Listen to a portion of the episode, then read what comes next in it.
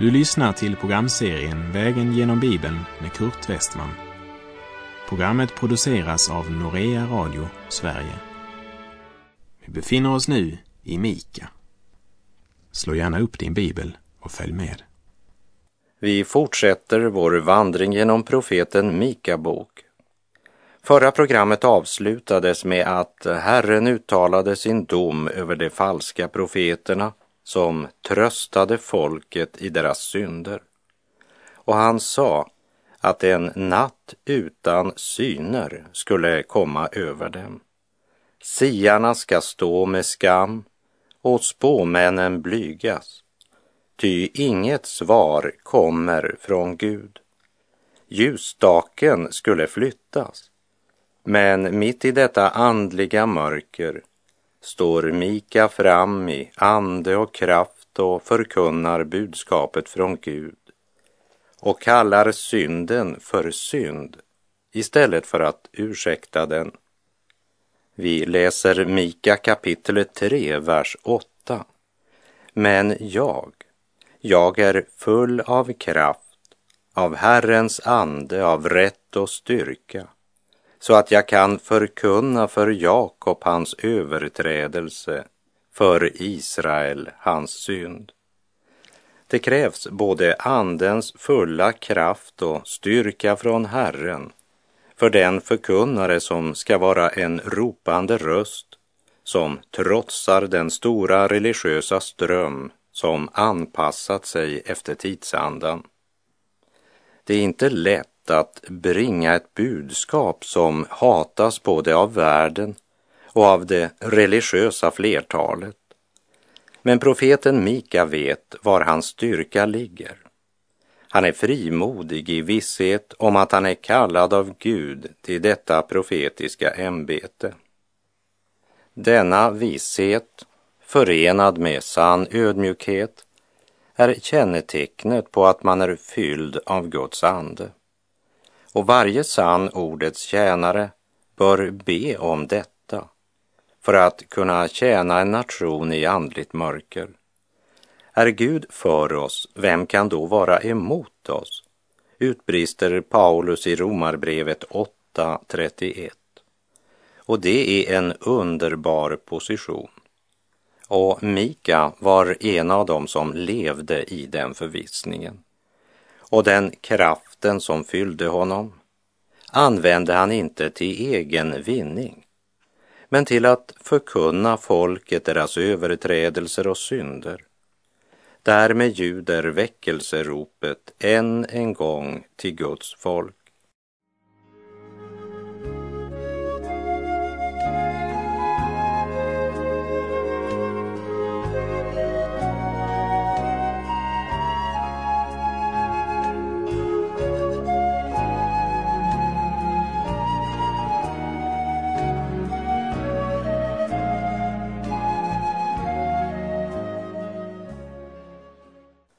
Därmed så har vi kommit till det sista budskapet i Mika bok, där han hänvänder sig speciellt till Jerusalem, det vill säga till nationens politiska och religiösa centrum. Hittills har han huvudsakligen talat i Nordriket, men nu förenar han samtliga profeter, hövdingar och präster i Juda och uttalar Guds dom över dem. Mika kapitel 3, vers 9 till och med 11. Hör då detta, ni hövdingar över Jakobs hus, ni förstar över Israels hus. Ni avskyr det som är rätt och allt som är rakt gör ni krokigt. Ni som bygger upp Sion med blod och Jerusalem med ondska Stadens hövdingar dömer för mutor. Prästerna undervisar för betalning och profeterna spår för pengar. Ändå stöder de sig på Herren och säger, är inte Herren mitt ibland oss? Olycka skall inte drabba oss. Hör detta. Jag har något att säga er och ni bör höra efter för ni ska inte kunna dölja sanningen i längden. Allt som är rakt gör ni krokigt, det vill säga ni undanhåller folket sanningen. Här vill jag påminna om att i kapitel 1, vers 15 sa predikaren det som är krokigt kan inte bli rakt och det som ej finns kan ej komma med i någon räkning. Det som är krokigt kan aldrig bli rakt så länge vi har vänt Gud och sanningen ryggen.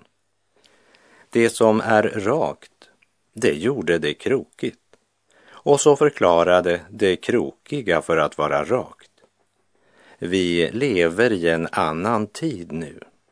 Det har varit de falska profeternas grundton helt sedan syndafallet.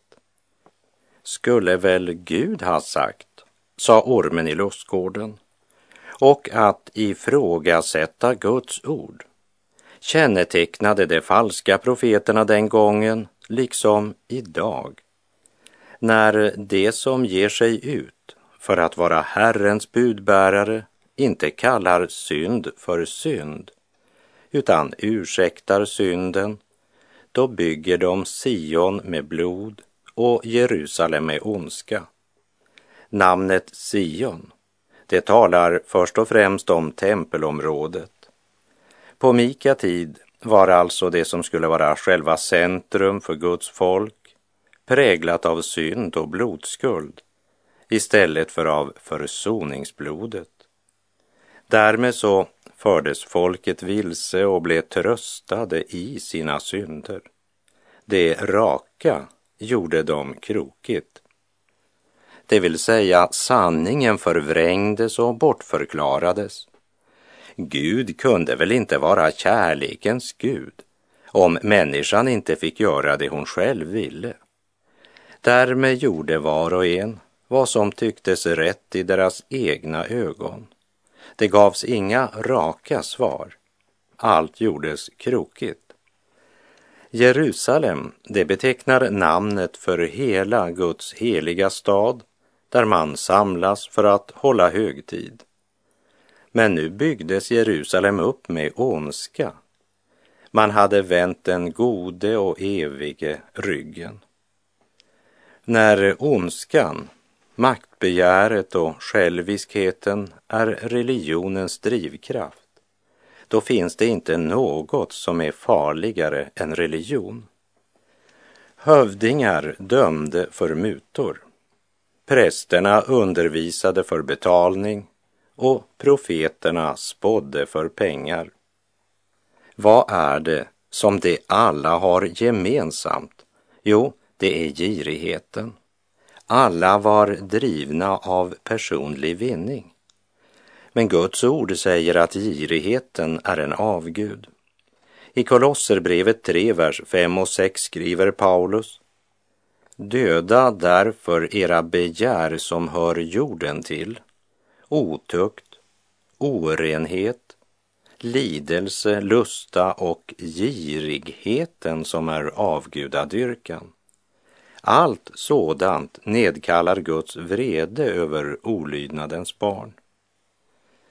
Vår tids avgudadyrkare har inte några bilder eller statyer som de tillber. Det hade inte profeterna, hövdingarna och prästerna på Mika tid heller, utan deras avgudsdyrkan bestod i girighet. Allt de gjorde det gjorde man på grund av vad man själv kunde få ut av det.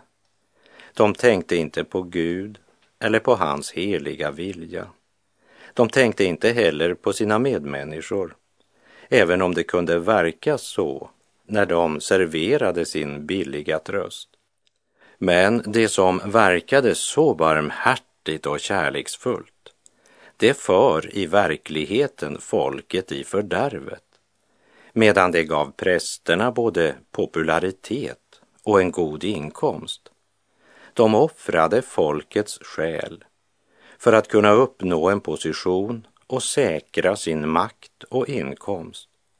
Inte underligt att Herren säger, ni sliter huden av kroppen på människor och köttet från deras ben.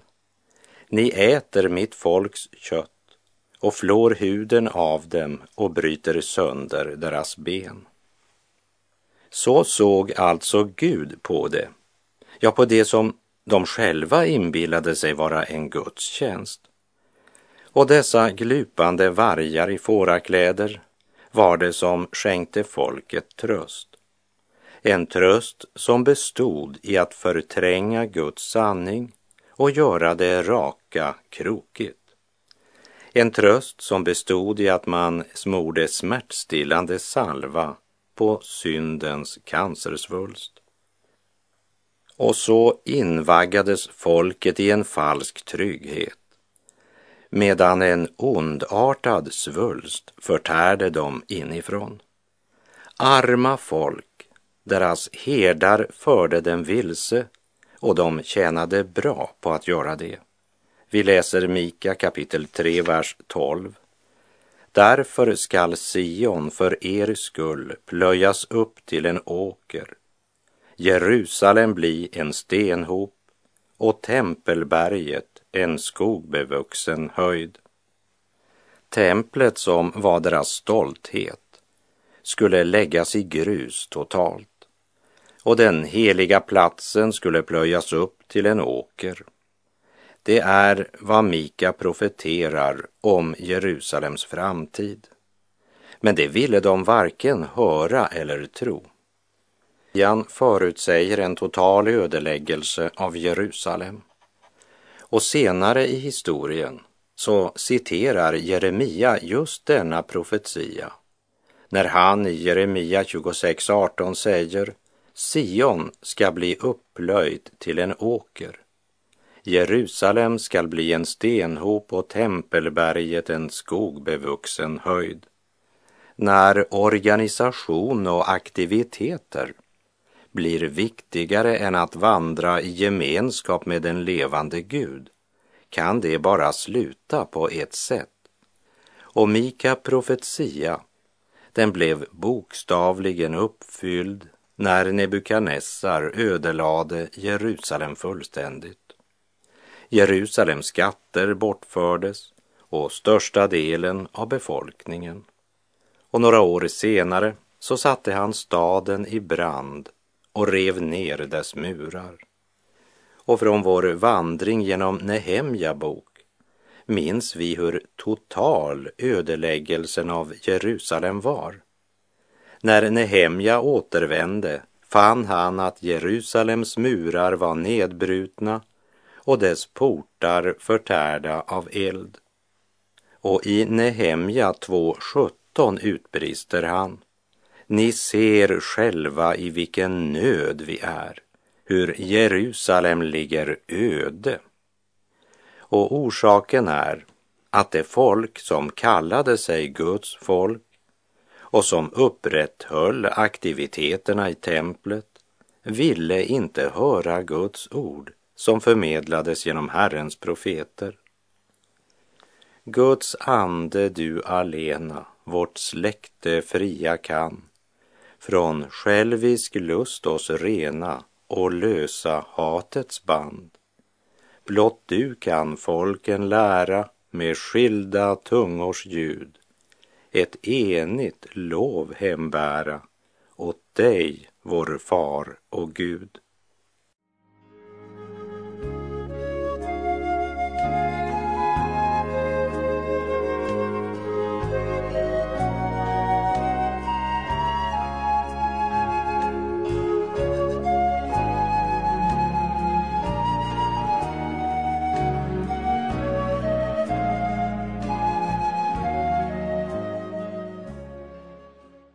Kapitel 3 avslutades med att Herren proklamerade att Sion för deras synders skull skulle plöjas upp till en åker och Jerusalem bli en stenhop och tempelberget en skogbevuxen höjd.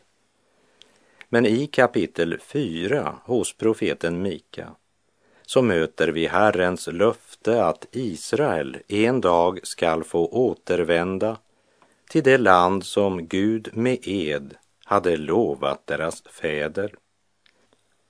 Och Mikas profetia kan sammanliknas med den judiska dagen som går från afton och till morgonens klara ljus. Och det blev afton och det blev morgon den första dagen. Och när vi nu läser om Jerusalems berg och dess tempel så ska vi komma ihåg att det också talar om Herrens andliga tempel på jorden. Vi ska i kapitlen 4 och 5 höra Mika profetera om Israels framtida härlighet. Även om det också innehåller ett domsord för att poängtera att den framtida härligheten bygger inte på att Gud ser mellan fingrarna med synd, men på att Gud själv renar, helar och upprättar sitt folk. Gud är trofast. Vi fortsätter och läser Mika kapitel 4, vers 1. Men den dag skall komma då berget med Herrens tempel står där fast grundat som det högsta av bergen, upphöjt över höjderna, och alla folk skall strömma dit. Ett högst anmärkningsvärt avsnitt i skriften som nog känns ganska bekant för den regelbundne bibelläsaren eftersom vi finner stora likheter med Jesaja andra kapitel. Mika var ju, som du minns, samtida profet med Jesaja Därför har också de lärde genom tiderna tvistat om det var Mika som kopierade Jesaja eller om Jesaja kopierade Mika. Personligen så menar jag att en sån debatt är slöseri med tid och krafter då ingen kommer att kunna besvara den frågan. Och eftersom hela skriften är inspirerad av Gud står den helige Ande som ansvarig utgivare och redaktör och han kunde utan minsta svårighet säga samma sak genom både Jesaja och Mika. Och orsaken till att han sa det två gånger var därför att det var mycket, mycket viktigt att både folket i Nordriket och i Sydriket fick höra budskapet. Och när budskapet är så viktigt borde vi verkligen lägga märke till vad Gud har att säga i detta textavsnitt.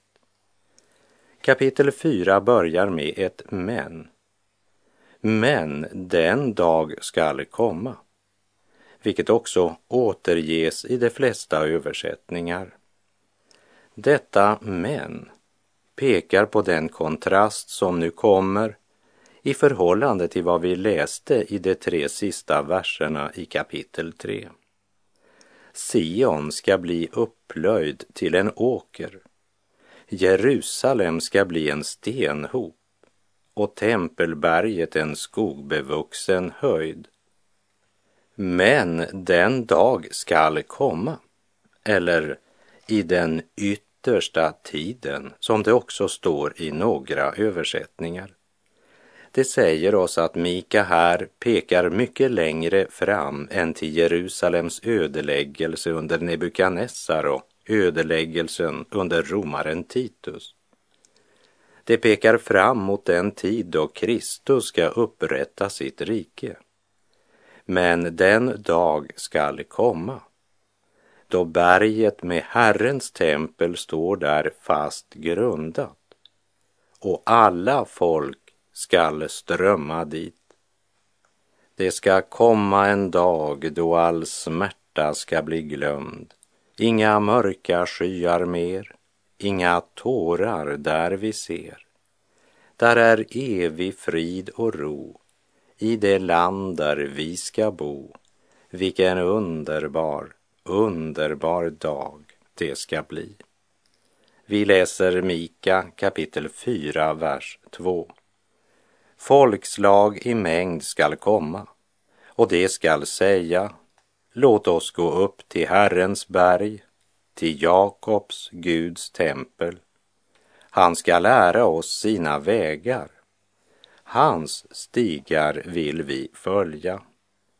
Därmed förstår också vi att Herrens löfte om att judarna ska återvända till Kanan och Jerusalem ännu inte är uppfyllt. För i vår tid går inte världens nationer till Jerusalem för att höra Herrens ord. Och Herrens ord går inte heller ut från Jerusalem ännu. Men den dagen skall komma, säger Herren. Då det sensationsutrop som vissa grupper har gjort där man påstår att judarnas återvändande till landet är uppfyllelsen av denna profetia. Det skapar mycket förvirring. Det finns till och med de som fastsätter dato för Herrens återkomst. Men ingen vet dag eller stund, även om jag tror att vi nu är mycket nära vår tidsålders avslutning. Men jag har inte någon inside-information från Herren och det är inte något i Guds ord som stadfäster den tidpunkten. Vi läser Mika kapitel 4, vers 3 och 4. Han ska döma mellan alla folk, skipa rätt bland de mäktiga folkslag i fjärran. Då ska de smida sina svärd till plogbillar och sina spjut till vingårdsknivar. Folken ska inte mer lyfta svärd mot varandra och inte träna sig för krig. Var och en ska sitta under sitt vinträd och under sitt fikonträd utan fruktan. Ty så har Herren Sebaots mun talat. När Kristus kommer åter kommer han inte i förnedring för att bära våra synder. Men han kommer i ära, makt och härlighet för att döma synden och upprätta sitt fredsrike. Och Guds folk är ett annorlunda folk och det uttrycks så här i Mika 4, vers 5. Ty alla andra folk vandrar vart och ett i sin Guds namn, men vi, vi ska vandra i Herrens, vår Guds namn, alltid och för evigt. Medan de flesta folkslag och människor vandrar efter sitt eget bedrägliga hjärta, efter sina falska läror och sitt kötts lust, så ska trons folk vandra i Guds ords ljus, ledda av Guds helige ande under Herrens välsignelse. Vi läser Mika kapitel 4, vers 6. På den dagen, säger Herren, ska jag samla ihop det haltande och föra samman det som drivits bort och dem jag låtit drabbas av olyckor. Herren säger att han ska samla ihop det haltande. Här går mina tankar till orden i Sefanja 3, vers 19 där det står Se, jag skall på den tiden ta itu med alla som plågat dig. Jag skall frälsa det haltande och samla det fördrivna. Jag ska frälsa det haltande, eller som det står i Jesaja 42, vers 3. Ett brutet rör ska han inte krossa, en tynande veke ska han inte utsläcka. Han ska i trofasthet utbreda rätten. Både det judiska folket och det folk som i Nya testamentet kallas för trons folk eller Guds folk är föraktade och hatade av denna världen.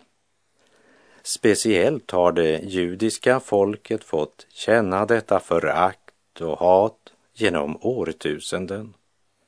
Och denna fiendskap är först och främst en fiendskap mot Gud, även om den ofta är kamouflerad i andra kläder. Men en dag tar deras smärta slut.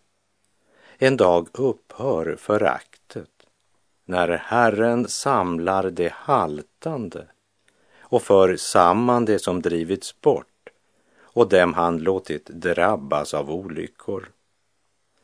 Låt också ordet om frälsning för det haltande tala till oss i den betydelsen att vi inte föraktar det svaga, slagna och andligt haltande. Utan istället ska vi vara redo att räcka ut en hjälpande hand eftersom Gud inte ska förkasta det haltande. Han har en frälsningsplan som gäller även den haltande. Styrk därför kraftlösa händer och svaga knän.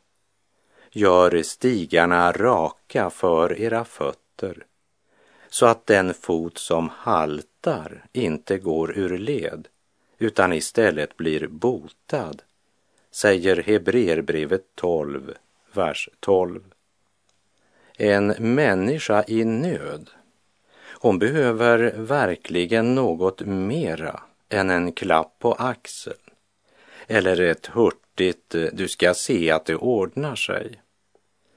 Den som vandrat så långt genom prövningarnas dal att foten börjat halta och knäna som skulle föra framåt bara vill vika sig. Den behöver möta en människa som själv har varit i nöd och som därför också kan förstå något av nöden. Låt oss vara med och göra stigarna raka så att den fot som haltar inte går ur led utan istället blir botad. Och med det så är vår tid ute för den här gången. Jag avslutar med att läsa Mika 4, vers 6. På den dagen, säger Herren, ska jag samla ihop det haltande och föra samman det som drivits bort och dem som jag låtit drabbas av olyckor. Det är Guds framtidsperspektiv för Israel och för alla dem som i tro vänder sig till Herren Jesus Kristus och tror på honom. Herren vare med dig. Må hans välsignelse vila över dig. Gud är god.